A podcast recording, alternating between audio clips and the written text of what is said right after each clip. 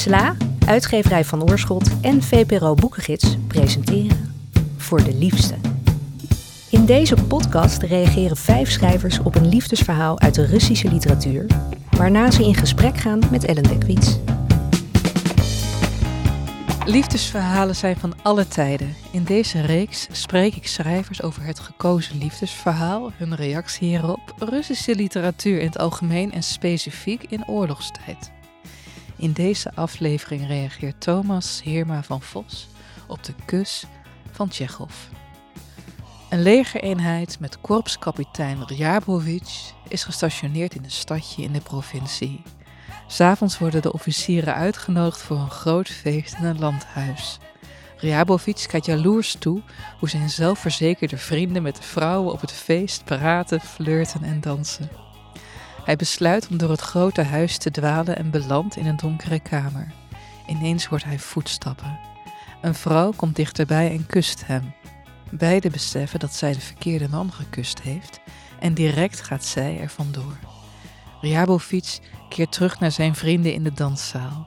Door de gebeurtenis van zojuist, zijn eerste kus, kan hij nauwelijks op zijn benen blijven staan. Terug in de zaal denkt hij de vrouw in kwestie overal te zien. Ryabovich blijft over de kus nadenken. Hij besluit zijn verhaal te delen met zijn mede-officieren. Het verhaal, dat buitengewone proporties heeft aangenomen in het hoofd van de soldaat, duurt precies een minuut, één minuut maar, terwijl hij het idee had een hele avond over die kus te kunnen vertellen. De mede-officieren lijken teleurgesteld. Later keert de eenheid terug naar de provinciestad waar de gebeurtenis heeft plaatsgevonden. De korpskapitein hoopt opnieuw in het landhuis te worden uitgenodigd, maar dat gebeurt niet. Je luistert naar de reactie van Thomas Heerma van Vos op de kus van Tsjechov.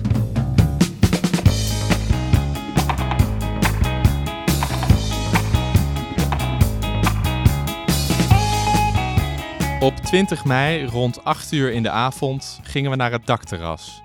De datum heb ik nagezocht. En wie er allemaal onder die we vielen, doet er hier verder niet toe. Eerlijk gezegd weet ik het ook niet meer goed. Wat ik wel weet, akelig scherp zelfs, flarden van die avond duwen nog regelmatig meer recente en strikt genomen grotere, belangrijke herinneringen opzij, is het volgende. We waren met een grote groep, voornamelijk officieren van verschillende eenheden, opgelaten gezichten. Het etentje van eerder die avond had sommigen al uitgelaten en luidruchtig dronken gemaakt. Niemand van ons droeg een uniform. Misschien was dat wel de reden dat ze mij zo makkelijk meenamen, terwijl hiërarchie doorgaans al ons contact structureerde. Maar vandaag leken sommigen te vergeten dat ik enkel een ondergeschikte was, een zwijgzame en niet bepaald uitblinkende knul in opleiding.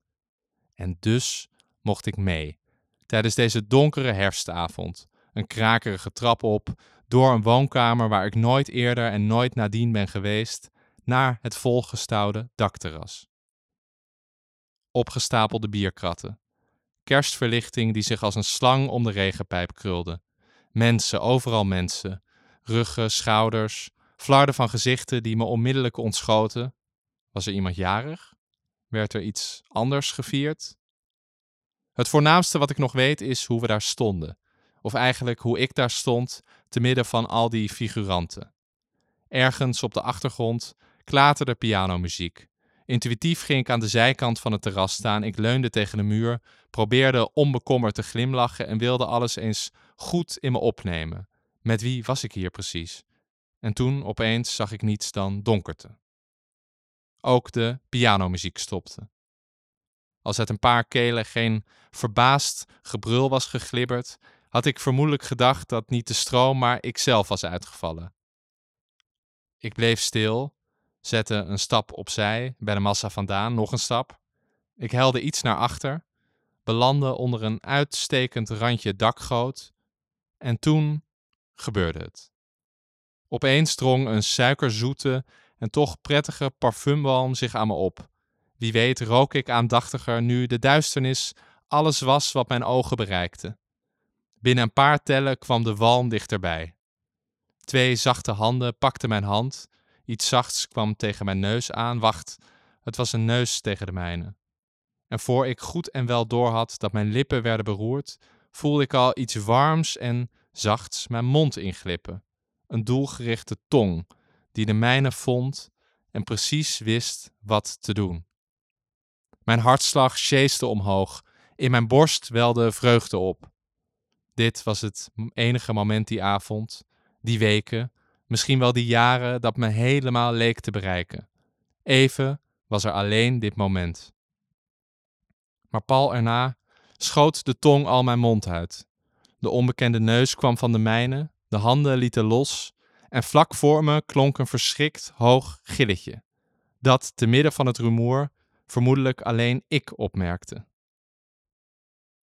Toen iemand eindelijk de weg naar de stoppenkast had gevonden en om me heen een vrolijk gejuich losbarstte, stond er niemand tegenover me. Mijn blik schoot rond. Wie was die vrouw geweest? Ik zag vooral mannen, iedereen in gesprek. Niemand maakte oogcontact. En de rest van de avond, terwijl de eigenlijk nogal onaardige officieren zichzelf nog lavelozer dronken, terwijl ik zwijgend mijn best deed mee te lachen en interesse speelde, bleef de vraag door mijn gedachten cirkelen: wie was dat geweest? Wat was er gebeurd? Ik kwam tot een theorietje waar ik nog altijd achter sta.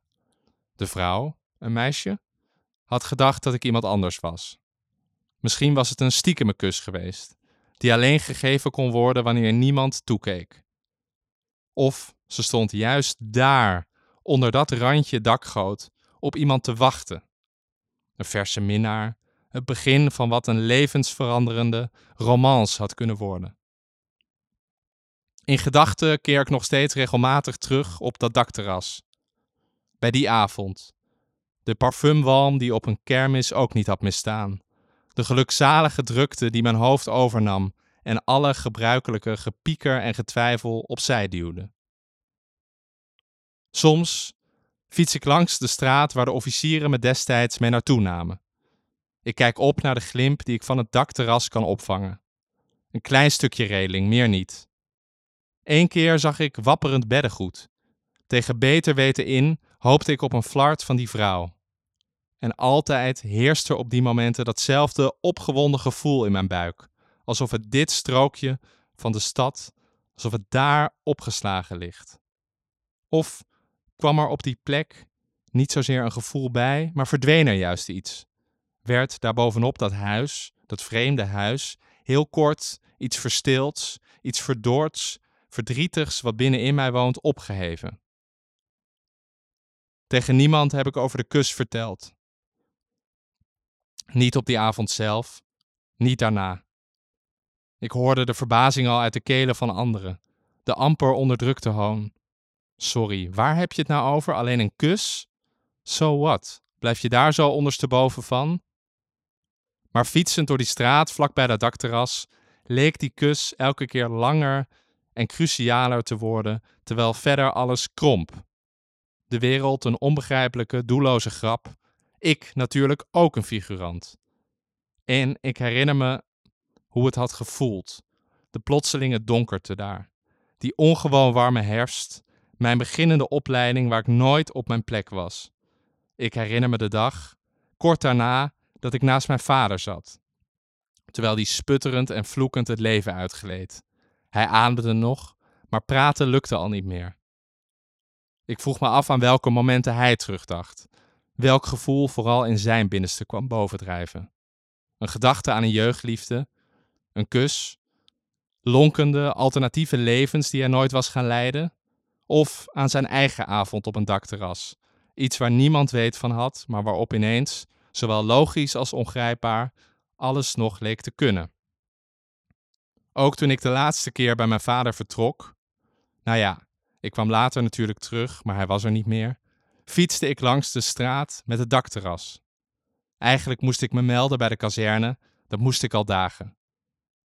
Maar ditmaal stapte ik af. Ik keek omhoog en dacht aan hoe het lot een onbekende vrouw naar me toe had gedreven. De dromen en beelden van toen.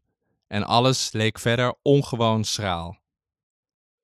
In mijn borst vlamde weer iets op. Vreugde, opwinding, rouw, wat was dit nou eigenlijk? Maar het doofde geleidelijk uit. En zo stond ik daar, minuten achtereen. En ik ging. Alsof ik mijn bestaan een andere richting op kon duwen. Niet naar de officieren, niet naar mijn ouderlijk huis, niet naar een plek waar iemand mij verwachtte.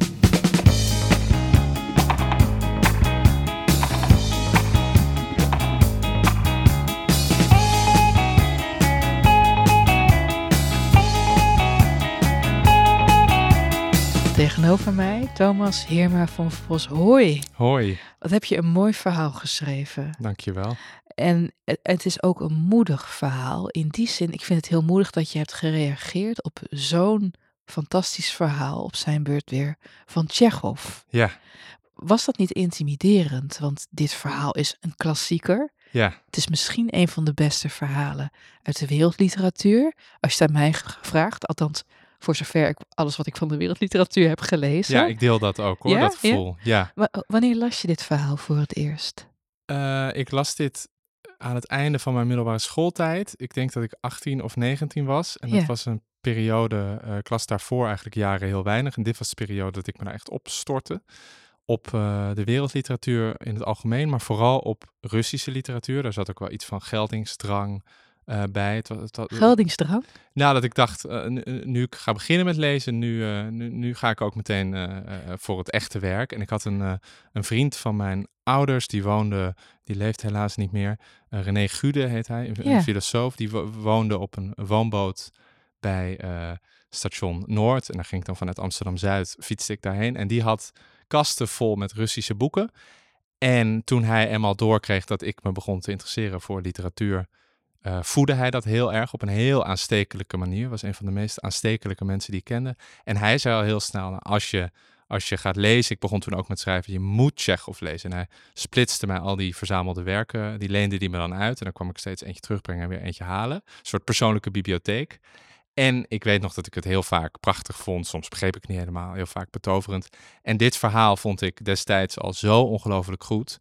En om op je eerste vraag, of het eerste gedeelte van je vraag dan terug te komen. Ik vind het, ik vond het inderdaad toen ik begon met schrijven eh, een tikkeltje intimiderend. Dat ik dacht van nou, nu ga ik me wel met het, het eh, ongeveer het grootste der grootste meten. maar de reden om het toch te doen was simpelweg dat dit verhaal de afgelopen 14 jaar, eh, dus vanaf het moment dat ik het de eerste keer las tot nu, nu ik het herlas hiervoor. Ik heb het sindsdien niet meer gelezen daartussen. Maar het bleef altijd zo helder en zo goed in mijn hoofd zitten dat ik dacht, nou dat, dat wil ik weer opfrissen. En ik hoop iets van datzelfde gevoel, eh, dat wil ik ook proberen op te roepen. Nou, dat, dat is je gelukt. Wat grappig dat je dit vertelt van René Gude. In het eerste seizoen van deze podcastreeks hadden we op een gegeven Ja. moment Massi Hutak.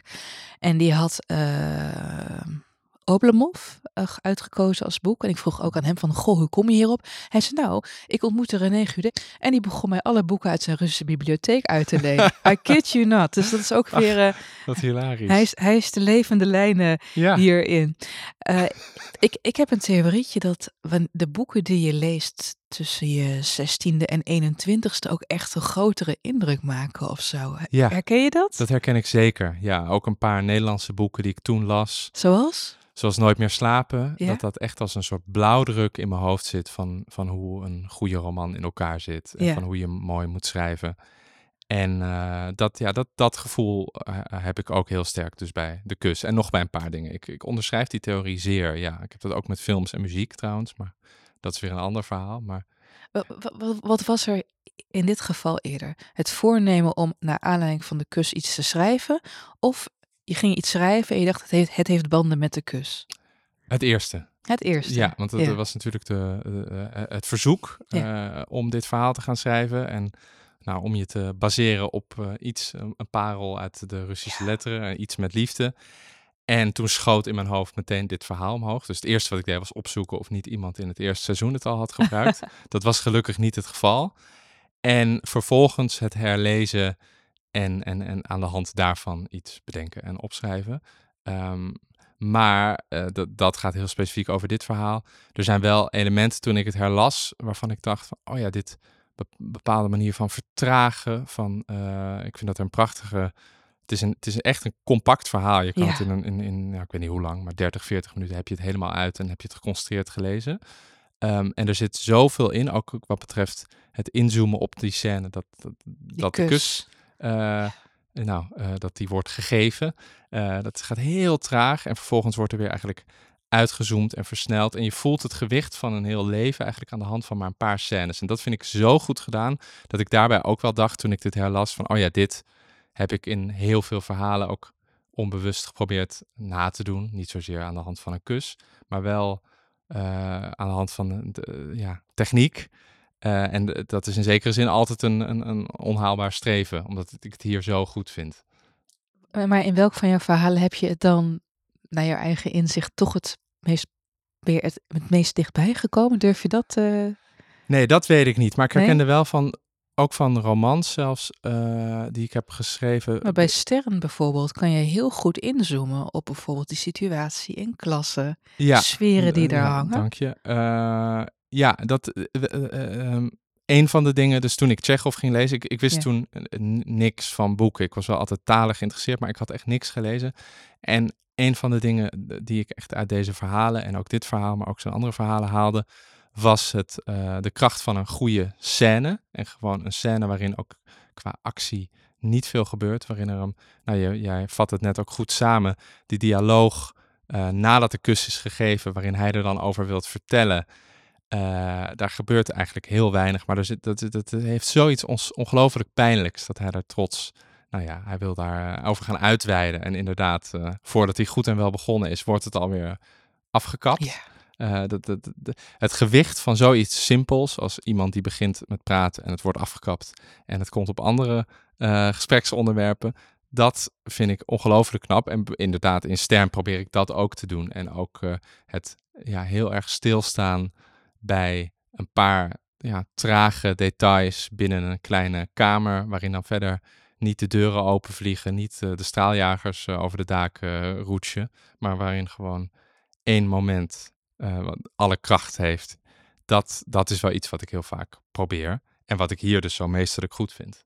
Wat ik ook zo goed vind aan het verhaal van Tsjechov, is dat hij op een gegeven moment, het is eigenlijk een pleidooi voor literatuur. Hij toont aan hoe je in het gesprek met een medemens soms dingen niet eruit kan krijgen in de dialoog, wanneer die soldaat gaat vertellen aan zijn Mhm. medesoldaten van hé, hey, dit was heel vet, want en dan is het zo banaal waar je, waar je geest dan mee komt, het Ja. vocabulaire dat je dan tot je beschikking hebt. En dat eigenlijk die indirecte manier van vertellen, de geur van pepermunt, de schaduwen, weet je, dat, dat, het omvloerste ruisen van gordijnen, bij wijze van spreken, dat dat veel veelzeggender is. Ik heb dit verhaal van Tsjechov ook altijd gelezen als een pleidooi voor de letteren. En de grap is, jij gaat in jouw, in jouw reactie erop, ga je, schuur je er heel lang in mee. En opeens weier jij in je einde, althans in mijn duiding, een totaal andere kant op. Want het gaat hier niet alleen over de dingen die we onszelf vertellen, of de dingen die ons overkomen en hoe we daar in contact met een medemens eigenlijk maar amper over uit onze woorden kunnen Mhm. komen. Maar eerder van, er gebeurt iets en opeens wil je niet meer de vertrouwde scripts, de vertrouwde verhalen die je over je eigen leven vormde en die je bij je toekomst voorstelde volgen, maar iets compleet anders gaan doen. Dat Ja. haalde ik eruit. Zit ik daar een beetje mee in de richting? Ja, alleen haalde ik dat ook wel uit dat verhaal van Tsjechov, omdat ik het idee heb dat de hoofdpersoon, wat je zegt over dat het hardop uitspreken van, van, dat, van zijn verhaal, is, klinkt het ineens als een banale anekdote, terwijl Ja. het in zijn hoofd veel mooier en grootser is. Maar tegelijkertijd las ik dat verhaal ook heel erg als iemand die min of meer in de pas loopt en eigenlijk achteraan eh, bij zijn medesoldaten en dan door die kus, door toch dat hele kleine nou ja, hooguit een paar seconden durende tafereel, wat hij niet ziet aankomen, waar hij geen grip op heeft. Juist door dat laatste, door, door die kus, door er geen grip op hebben, gaan er in zijn hoofd allerlei deuren worden ineens op een, op een kiertje gezet. En ik, heb het, ik lees het verhaal als iemand die, doordat er één onverwachts element gebeurt, ineens begint met dromen over een leven waarin ook iets onverwachts gebeurt. En waarin er veel meer um, ja, bloeit in zijn binnenste en waarin hij veel meer voelt eigenlijk. En um, nou, dit verhaal van Tsjechov eindigt er ook mee dat hij dan eindelijk is, nou ja, zich min of meer verzet tegen, ja. tegen de rest van zijn leger. Hij moet ergens heen en hij doet het niet. Uh, en, en dat is natuurlijk een direct voortvloeisel uit die kus. En zijn, vooral uit zijn fantasieën erover. Ik, ik lees dat verhaal heel erg als iemand die even voelt, oh ja, mijn leven kan ook een andere gedaante aannemen. Er is meer uit te halen. En die daar op het laatst voorzichtig naar gaat handelen. En dat gevoel dat er ehm, meer in ja, het leven zit, of dat er meer, e-, even kijken wat de precieze woorden zijn. In ieder geval dat gevoel dat er in je hoofd door iets eigenlijk heel overzichtelijk en kleins allerlei lagen worden aangeboord en allerlei andere gevoelens omhoog komen. Dat probeer ik ook heel erg in mijn eigen verhaal te doen. Ja, dat komt ook heel mooi uit. En er, er, zit, er zit tegelijkertijd op het, uh, op het weefgetouw waarop je dit verhaal hebt gesponnen, ja. zitten natuurlijk de rijgdraden van het uitgangspunt van Tsjechov. Ja. Uh, ik proef ook een klein beetje Rilke, die schreef ooit, du musst dein Leben ändern. Je moet je leven veranderen. Dat hij op een gegeven moment beschrijft hoe je naar een Griekse torso kan kijken. Volgens mij was hij verder helemaal hetero. Maar hij kijkt naar een Griekse torso en denkt, oh, dit is zo perfect. Ik moet, I must step up. Maar tegelijkertijd is er een derde lijn, heel kort aangestipt, een overleden vader. Ja. Die een soort van diftone vormt in dit verhaal. Mhm. Maar tegelijkertijd een motivatie om dingen anders te gaan doen. Nu weet ik toevallig, jouw vader is ook net overleden. Schreef je dit verhaal na zijn dood? Ja, uh, uh, nog mm, nou, niet ruimer na, want hij is vier maanden geleden overleden. Ik Ja. schreef dit een maand geleden, dus uh, ongeveer drie maanden na zijn dood. Ja. En dat uh, was ook niet zozeer mijn voornemen. De, daarvoor is het ook te veel een accent op het einde. En, Ja. um, dat kwam heel sterk, ook toen ik er pas mee bezig was, dacht ik, oh ja, dit past er mooi bij. ja, liefde en dood. Ik vond het... Ja, Maar goed, ga door, pardon. Ja. ja nee, Ja, ja. eh, onderbreek me vooral. Inderdaad, omdat die, die hier eh, in mijn hoofd een, een nou, natuurlijk samensmelten. En in zijn hoofd, het hoofd van de verteller, dus uit mijn verhaal op elkaar reageren. En ook, eh, en daarom, daarom kwam het in eerste instantie bij me op, omdat het in dit verhaal, net als bij Tsjechov trouwens, gaat het ook heel erg om een plek waar, waar een kus wordt gegeven. Dat is ook in mijn verhaal zo en dus bij Tsjechov. En een plek waar de hoofdpersoon, mijn hoofdpersoon, die blijft daarover fantaseren. En die plek verandert eigenlijk van de buitenkant niet. Het is gewoon een huis. Hij belandt op een huisfeestje. Uh, en dan fietst hij daar nog eens langs. En dan denkt hij van, oh ja, daar gebeurde dat allemaal. En in zijn hoofd blijft die gebeurtenis, die kus, die blijft maar gisten. En die roept herinneringen op. En die roept gevoelens op. En uh, ook een soort heimwee en een soort hunkering. Uh, allemaal. Terwijl daar van de buitenkant, hij fietst daar langs. Het is, het is een zoveelste huis. En ik vond het contrast tussen zoiets heel feitelijks aanwijsbaars. Nou ja, een gevel van een huis van Ja, mensen die je eigenlijk locatie. niet kent. Ja. En Ja. al jouw eigen gevoelens daarbij, die, die toch alle kanten opschieten. Dat ehm, vond ik een mooi gegeven om terug te laten komen. Ook, ook gezien de compacte lengte dacht ik, oh ja, dat, is, dat kan ik mooi in een paar zinnen. Als hij daar min of meer per ongeluk of misschien toch eigenlijk een beetje expres langs fietst. Om op te roepen. En dat is iets wat ik ook heel sterk nou, zelf voelde eh, de afgelopen maanden. Dat van de buitenkant bij mijn ouderlijk huis, waar ik ook vaak langs fiets, want ik woon in dezelfde stad, eh, is er niks veranderd. En eh, dezelfde naamplaatjes, dezelfde auto moeder voor de woont deur. er nog dus? Mijn moeder woont er nog. Ja? En ehm, toch kijk ik natuurlijk naar alles, ook naar, eh, ja, naar, naar, naar de kleur van de, van de deurknoppen, wijze van spreken. Ja. Kijk ik nu met een ander gevoel. En ik kijk anders naar de lichten, die natuurlijk niet meer door mijn vader worden aangezet. En noem het allemaal maar op. En dat gevoel, eh, dat vond ik hier mooi. In, ja, dat dacht, dat, dat, daar kan ik mooi een paar zinnen aan besteden. En het, ja, dat, er zit natuurlijk een bepaalde stilstand in, bepaalde onveranderlijkheid. Terwijl er ook iets heel erg wezenlijks natuurlijk wel is gevallen. Bij mij, omdat mijn vader is overleden. En ook bij deze hoofdpersoon, die enigszins verward eindigt. En ja, snakkend, zonder dat hij helemaal onder woorden kan brengen waarnaar. Uh, natuurlijk ook nadat zijn vader weer terugkomt, terwijl hij ook wel weet dat kan niet. Nou goed, dat, dat vond ik mooi om er tegen het einde uh, om er ook in te brengen. En inderdaad ook om die, die dood van toch zo'n fundament van het leven uh, te laten samensmelten met, een, met een, mogelijkheid op een ander soort leven. Namelijk die kus waar die geen grip op kan krijgen. Eigenlijk kan je op de dood natuurlijk ook nooit grip krijgen. Is dat zo? Ja, nee, weet je, je, iemand valt weg en je begrijpt natuurlijk niet waar. Rationeel gezien kan ik wel uitleggen, hierom gaan mensen dood, namelijk een lichaam uh, wordt in eerste instantie groter en sterker en uiteindelijk brokkelt het af. Uh, in wat voor tempo en uh, door wat voor reden dan ook. Maar emotioneel gezien is dat natuurlijk nooit helemaal te begrijpen. Ook bij mijn vader is dat nu natuurlijk vers en heftig. Maar als ik René Gude net noem, eh, wanneer is die overleden? 2016, 2017? Nee, eh, langer geleden. Oh. Eh, ja, want ik, ik, ik denk al een jaar of acht geleden. Ehm, nou ja, in ieder geval jaren geleden. En als ik dan over hem vertel, dan zie ik die boot natuurlijk heel helder Ja. voor me. En ik zie hem daar in de hoek van de kamer gewoon zitten. En ik hoor nog de stem waarmee hij me Tsjechov aanraadde. Ja. En dat, eh, dat is niet alleen maar verdrietig, dat heeft ook iets heel moois. Maar helemaal begrijpen dat dat dan allemaal weg is en nooit meer terugkomt, dat kan ik niet.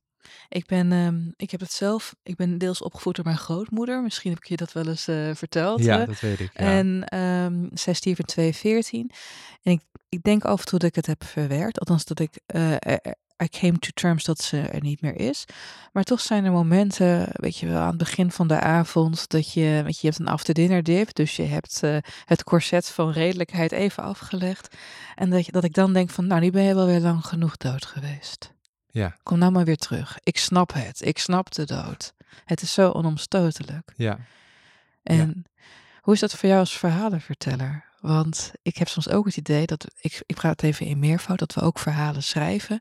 Om met de dingen waar we geen grip op hebben, toch grip op te kunnen krijgen of het te kunnen bevatten. Dat idee heb ik zeer zeker, ja. Kan je En- nu al schrijven verder over je vader? Of ben je Eh, nu echt... Ik ben dat niet aan het doen, Nee. nee. En dat is, heeft ook... eh, eh, misschien betekent dat dus ook automatisch dat ik het niet kan. Maar het heeft er ook mee te maken dat ik er nu niet zo'n behoefte aan heb. Die gaat vast ooit, in welke vorm dan ook, eh, komen. Maar deze paar zinnen, en die gaan dan dus ook echt wel over een ander personage. Over iemand anders dan ikzelf. Maar goed, die, die komen er indirect natuurlijk wel uit voort. Maar die zinnen zijn eigenlijk het enige wat ik tot nu toe daarover heb geschreven. Omdat ik er, ik, ik, ik, eh, ik ben er vaak genoeg in mijn hoofd al mee bezig. En ik merk nu dat als ik schrijf, eh, dat, ik, dat ik aan andere verhalen juist behoefte heb, aan andere stemmen en even, even afleiding. En eh, wat betreft je vraag eh, of je, je opmerking of eigenlijk inzicht, dat, de, nou, dat heb ik helemaal. Ja, dat je, waarom gaan we schrijven? En, jij en ik en heel veel andere mensen, dat, dat heeft er toch mee te maken. Eigenlijk wat ook in dit verhaal van Tsjechov zit, dat je bepaalde gevoelens, gedachten niet helemaal eh, ehm, in gesprekken he- kan of wil overbrengen. En dat er, dat er iets ongezegd blijft in je gewone leven. Toch? Zo voelt het voor mij. Ja, zo voelt het voor mij ook. Ook omdat het, eh, het is soms knap eenzaam als je iets meemaakt. Dus Anne Blaman die noemde het een eenzaam avontuur, het leven.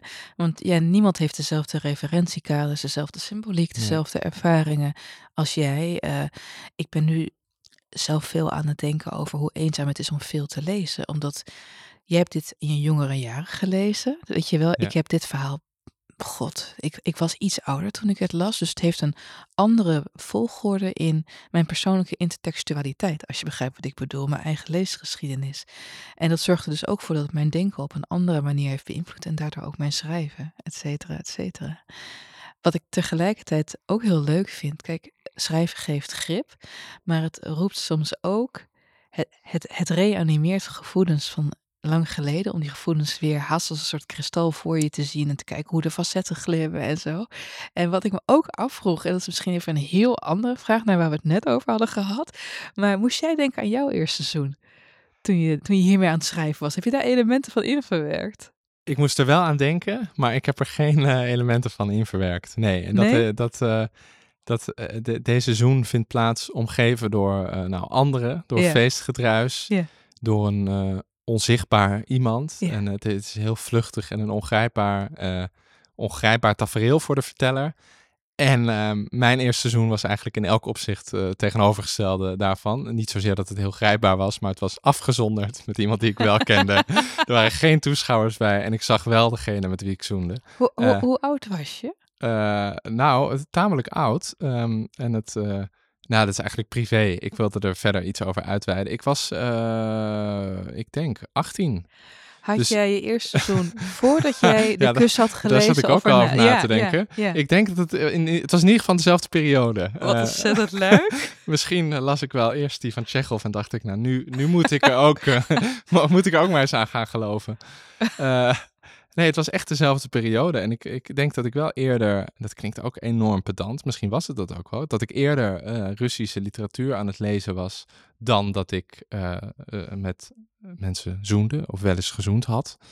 Ehm, ja, de volgorde van, van, van die dingen liep toen een beetje nou, ongewoon.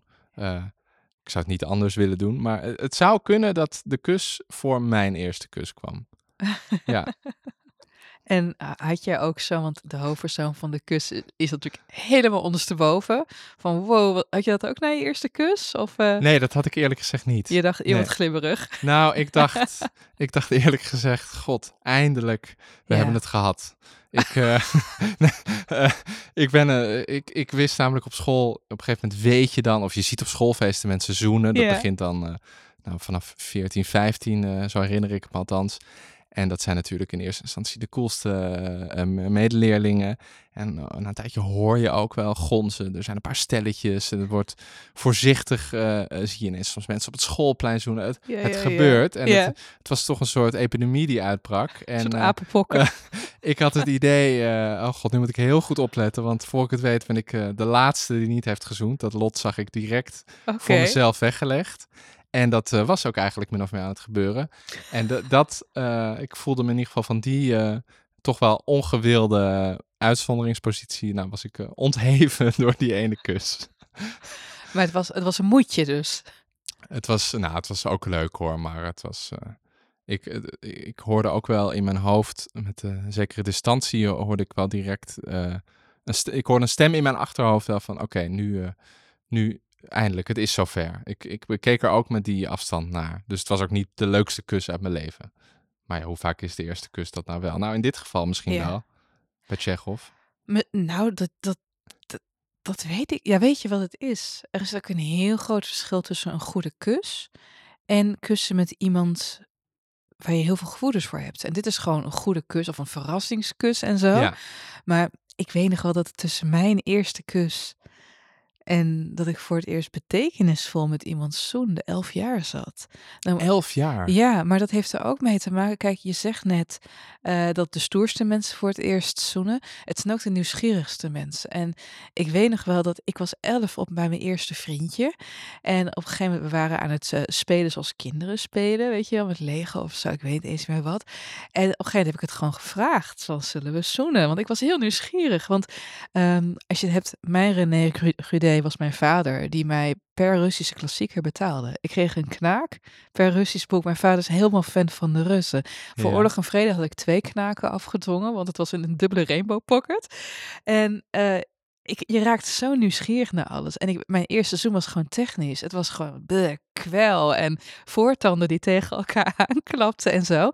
En pas elf jaar later, ik, ik, ik ben intussen natuurlijk wel gezoend, maar elf jaar later was ik opeens verliefd op iemand. En het was niet eens een hele diepe verliefdheid, maar ik kuste met hem opeens, ook een beetje onverwacht. En opeens kuste ik zijn kern of zo. Begrijp je wat ik bedoel? Dat je, je, je komt thuis in een kus Mhm. en ja, dat dat...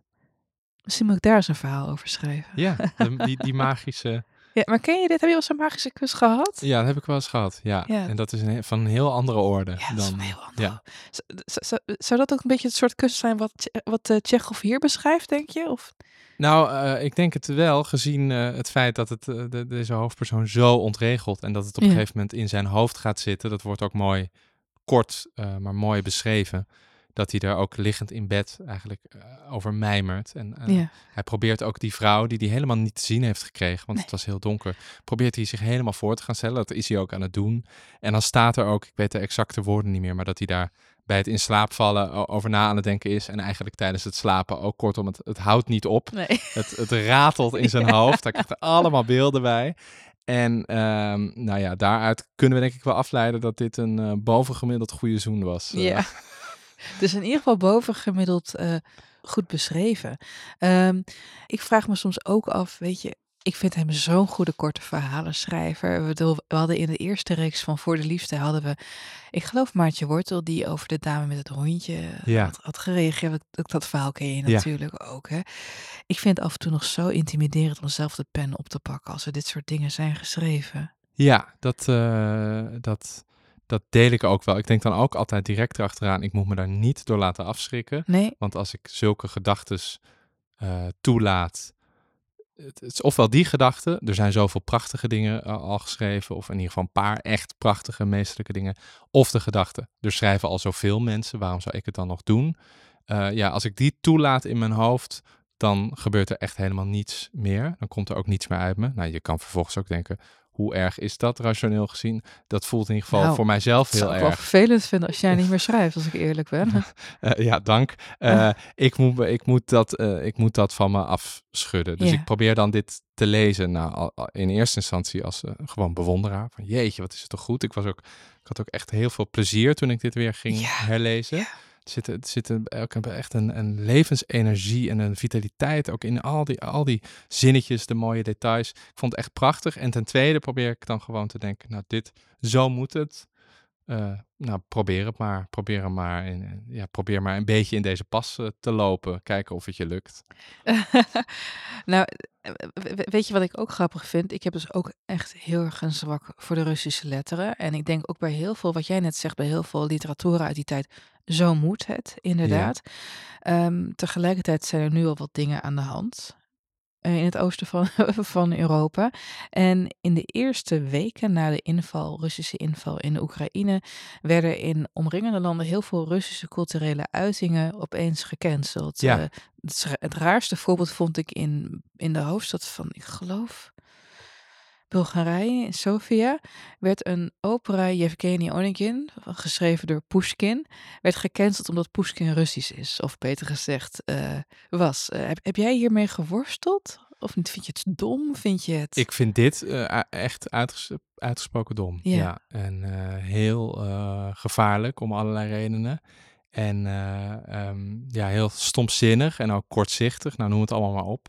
Dat vind ik hierbij eh, allemaal. En ik heb hier niet heel actief mee geworsteld. Want als ik las over de oorlog, dan las ik eh, nou, over wat er daadwerkelijk eh, daar aan het front gebeurde. En Ja. wat, de, wat de stand van zaken was in Oekraïne. En weinig hierover. Maar natuurlijk zag ik af en toe de nieuwtjes. En ik, ik herinner me ook iets, maar vul me vooral aan of corrigeer me over een concert ook in Nederland van een bepaalde. van een eh, dirigent, die ja. is gecanceld, ja. en dat, dat is natuurlijk weer iets, dat- iets ingewikkelder, want die leeft nog en die was duidelijk pro-Poetin, als ik het me goed herinner. En daar heb ik wel ook bij mezelf eh, over nagedacht zonder hele duidelijke conclusie. Ja, inderdaad, wat, wat moet je daar dan mee? Maar bij zo'n tekst van Pushkin, heel overzichtelijk. eh, natuurlijk moet je dat opvoeren. Ik zou, ja, ik zou bijna zeggen juist, dat slaat eigenlijk ook nergens op, maar wel eh, die, die, die cultuur en al het moois dat er ook is voortgebracht, moet je vooral eh, koesteren en niet eh, cancelen natuurlijk. En ik weet niet of jij hier hele duidelijke meningen over hebt. En dan bedoel ik vooral over zo'n componist. Nou, weet je, we hebben allebei literatuurwetenschap gestudeerd. En een populaire term in de literatuurwetenschap is intentional fallacy. Waar ik net ook de hele tijd last van heb gehad toen we jouw verhaal bespraken. Dat je de ik-persoon in het verhaal per ongeluk vereenzelvigt met de auteur. En ehm, dat, dat binnen literatuurwetenschap, althans binnen de stroming waarin ik ben opgevoed, is het werk, het kunstwerk, het verhaal een autonoom iets. En vergeet de auteur, die kan wat dat betreft gewoon doodvallen. Ja. Nou, in eh, eind jaren 90, begin 21ste eeuw kwam er een nieuwe trend. De auteur is wel degelijk van belang op de duiding van het verhaal. En je ziet nu ook dat de auteur van belang is op de ethische verantwoording van het verhaal, de ethische duidingen van. Om een recent voorbeeld dat niet Russisch is te noemen. Astrid Roemer, heeft, Surinaams schrijver, heeft natuurlijk een paar jaar geleden de PC Hoofdprijs gekregen. En die begon enige tijd geleden Desi Bouterse, eh weet je wel, massamoordenaar, fraudeur, begon ze te verdedigen. Waarop mensen zeiden van ja, ze moet die prijs inleveren, et cetera, et cetera. En mensen gingen er dus aan de waarde van haar werk aan zich voorbij. En ik vind dat een heel, heel ingewikkeld iets. Ja. Ik vind het heel ingewikkeld, want het, het andere uiterste is dat je als auteur dan misschien moreel zuiver moet zijn en nooit iets op je kerfstok hebben wanneer om, om weet je wel als je o- o- ten einde je werk gewaardeerd te laten weten dat je werk weet je wel. Terwijl als ik kijk naar een van de grootste Russische schrijvers Tolstoy die heeft op een gegeven moment die heeft natuurlijk later is hij helemaal in de heer gegaan et cetera et cetera maar die heeft wel een boek uitgebracht. Mijn biecht heet dat. Heb je het gelezen? Nee. Of bekentenis ligt er maar aan welke vertaling je leest. En dan gaat hij vertellen dat hij vroeger heeft lopen verkrachten en mensen heeft gedood en zo weet je wel. En en en totale seks racist, minderheden onderdrukken. Dus Tolstoy was eigenlijk, die zou totaal gecanceld worden. Zo met pek en veren uit onze woke community worden geschopt. En dat maakt desondanks niet zijn verhalen waarin hij menselijke kwetsbaarheid en de tederheid en de, bijvoorbeeld, eh, ik weet niet of je Oorlog en Vrede ook hebt meegekregen van René, maar weet je, de Ja. existentiële twijfel van een personage als Pierre, die dan of bij de vrijmetselaars gaat, dan weer christen, et cetera, et cetera.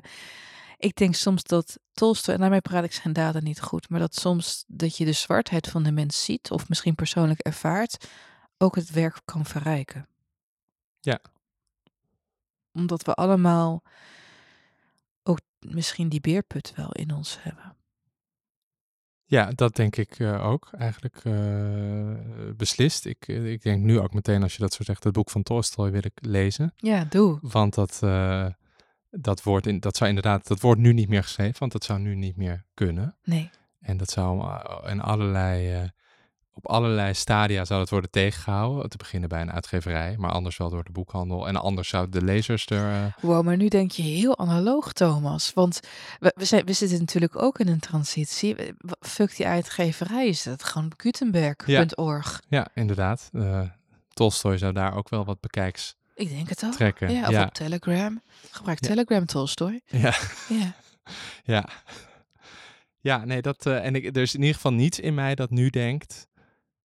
Ik ga wegens de oorlog Tolstoy niet lezen. Of Tsjechov niet lezen. Of eh, eh, ja, Ru- Russische films niet kijken. Of zoiets. Dat vind ik ja, echt een bepaalde kortzichtige kwaadaardigheid. Waarmee denk ik heel veel nog verder om zeep brengt. En het is onverstandig, want het kan je ook onveilig maken. Ik ken ook mensen die zeggen, ja, ik wil niks meer zien wat Poetin zegt in zijn lezingen die hij nu houdt over tegen het Russische volk, waarmee hij deze daden legitimeert. Eh, je moet ze juist lezen. Om te weten Ja. wat hij zegt. Ja. Ja. Maar dat is sowieso, en dan wordt het wel misschien te breed, maar iets wat ik vaak, is ook in mijn hoofd steeds vaker om me heen hoor, dat mensen zeggen, ook als het gaat over klimaat, Ja. over Amerikaanse politiek, nou, over deze oorlog. Ik wil het allemaal niet meer weten. Ik, ik trek mijn handen er, of ik trek mijn handen ervan af. Ik, ik, ik kan het niet aan. En dan denk ik inderdaad ook altijd, dat is zo, dat is zo gevaarlijk. Want op een gegeven moment eh, weet je dan echt helemaal niet meer wat er, wat er speelt. En dan uiteraard word je dan veel ontvankelijker voor allerlei rare, eh, onjuiste berichten. En, dan- ja, je, je moet je er inderdaad juist in verdiepen. Dus in zekere zin zijn dit tijden dat je juist ook Russische literatuur extra goed zou moeten lezen. Heb je nog tips voor de luisteraars? Eh, Waar kunnen zij zich in verdiepen, juist in deze vreemde tijd? Ehm, nou, ik weet niet of het direct met de oorlog, eh, of ik het daarmee in verband zou kunnen brengen. Maar jij noemde net in een andere context, maar eigenlijk ook via de, de woonboot van René Gude, het boek Oblomov. En Ja. dat vind ik eh, een van de mooiste boeken ooit geschreven van, van Goncharov. En daar is dus in een andere aflevering is het daar al over gegaan. Maar dat boek leerde mij, eh, eh, ik vond het een prachtig verhaal over een man die zijn bed eigenlijk niet uitkomt. Nee. En dat boek leerde me ook hoe, hoe je een toch een spannend, mooi, ontroerend boek kan schrijven, terwijl er qua actie bijna niets gebeurt. Maar ook leerde het me dat ja, een zekere mate van engagement en maatschappelijke betrokkenheid in schrijven helemaal niet eh, per se hoeft te duiden op verhalen die heel nadrukkelijk in de maatschappij zich afspelen of over het, het front gaan of over de politieke eh, vergaderingen en dergelijke. Maar daar is, die hoofdpersoon die heeft zoiets rijks en verveelds. En die stuurt maar een beetje anderen aan. En toen dacht ik, oh ja, zo leven, leeft een bepaald gedeelte van de, de rijkste laag in die 19e eeuw. Leeft daar, zo kan je, zo kan je ook daar bestaan. Het leerde me ook heel veel voor over hoe de Russische maatschappij, in ieder geval in de 19e eeuw, in elkaar zat. En eh, dat, dat boek vond ik ook daarom zo interessant, omdat er, het, het gaat over, over die man die, die maar een beetje vanuit zijn, van onder zijn deken, maar een beetje mensen loopt af te blaffen. En Ja. eh, af en toe eh, in een beetje melancholisch gemijmer vervalt. Maar en, ook eh, iemand die maar niet begint met leven. Nee, hij zit te wachten. Ja. En eh, hij denkt ook vaak aan wat er allemaal zou kunnen gebeuren of wat hij hoopt dat er gaat gebeuren, maar vervolgens draait hij zich toch nog even om. Ik, ja, ik vind dat prachtig op allerlei, op allerlei manieren. Maar dat boek zou ik wel iedereen die dat niet kent eh, met klem aanraden. En als je denkt, jeetje, zo'n Russische pil, daar heb ik geen tijd voor. Nou, maak tijd, zou ik om te beginnen zeggen. Maar anders toch gewoon de kus van Tsjechov. Want dat is in hele korte lengte eh, heeft, het, heeft het ook eigenlijk de kracht van, van sommige romans. Het is ingedikte taal. Ja. Het is dreft. Ja. Het is super geconcentreerd. Wat is de eerstvolgende Russische klassieker die je gaat lezen, Thomas? Eh, nou, misschien wel de biecht van, uh, van Tolstoy. En uh, verder, en dat zijn nog geen klassiekers, maar ben ik nu, uh, even over het heden gesproken, ben ik nu de verhalen van Maxim Osipov ja. aan het lezen. Ja. Ja. En uh, die vind ik ook ongelooflijk goed. Hij is gevlucht inmiddels, Ja. toch? Waar woont hij nou? Hij is een Russisch schrijver, lieve luisteraars. Tip. Ja, korte verhalen, verhalenschrijver. Ja. En eh, Van Oorschot heeft, begreep ik, van zijn zes Russische bundels een bundeling gemaakt eh, die vertaald is. Dus een soort best-of. En ehm, waar hij nu is, weet ik niet. Maar ik las een paar dagen geleden dat hij eh, een jaar op de Universiteit van Leiden gaat lesgeven. Dus eh, die is binnenkort, denk ik, eh, heel nabij. Ga je proberen om eh, toch een lezing bij te wonen daar? Ik, eh, de- ik denk het wel, ja. Want ik vind die verhalen ehm, ongelooflijk goed. En dan, bij die lezing ga ik dan stil achterin zitten. Ik hoef verder, ik hoef de schrijver ook nooit heel goed te leren kennen. Maar ik vind hem wel zo bewonderenswaardig goed schrijven. En ik las een heel mooi stuk van hem over de oorlog in, eh, in, in Rusland. Een stuk in de Volkskrant. Over hoe hij was gevlucht. En over hoe erg hij het allemaal eh, vindt. En hoe ontwrichtend het is. Ik dacht wel, dit is iemand met zijn scherpte, zijn taalgevoel, de, de- die wil ik wel een avond horen vertellen. Ja. Dus Ozipov. Hou die naam in de gaten. En hou ook de naam Thomas Herman van Vos in de gaten. Lieve Thomas, dank je wel Jij bedankt. voor dit Fijn gesprek. gesprek. Yes, het was een genoegen.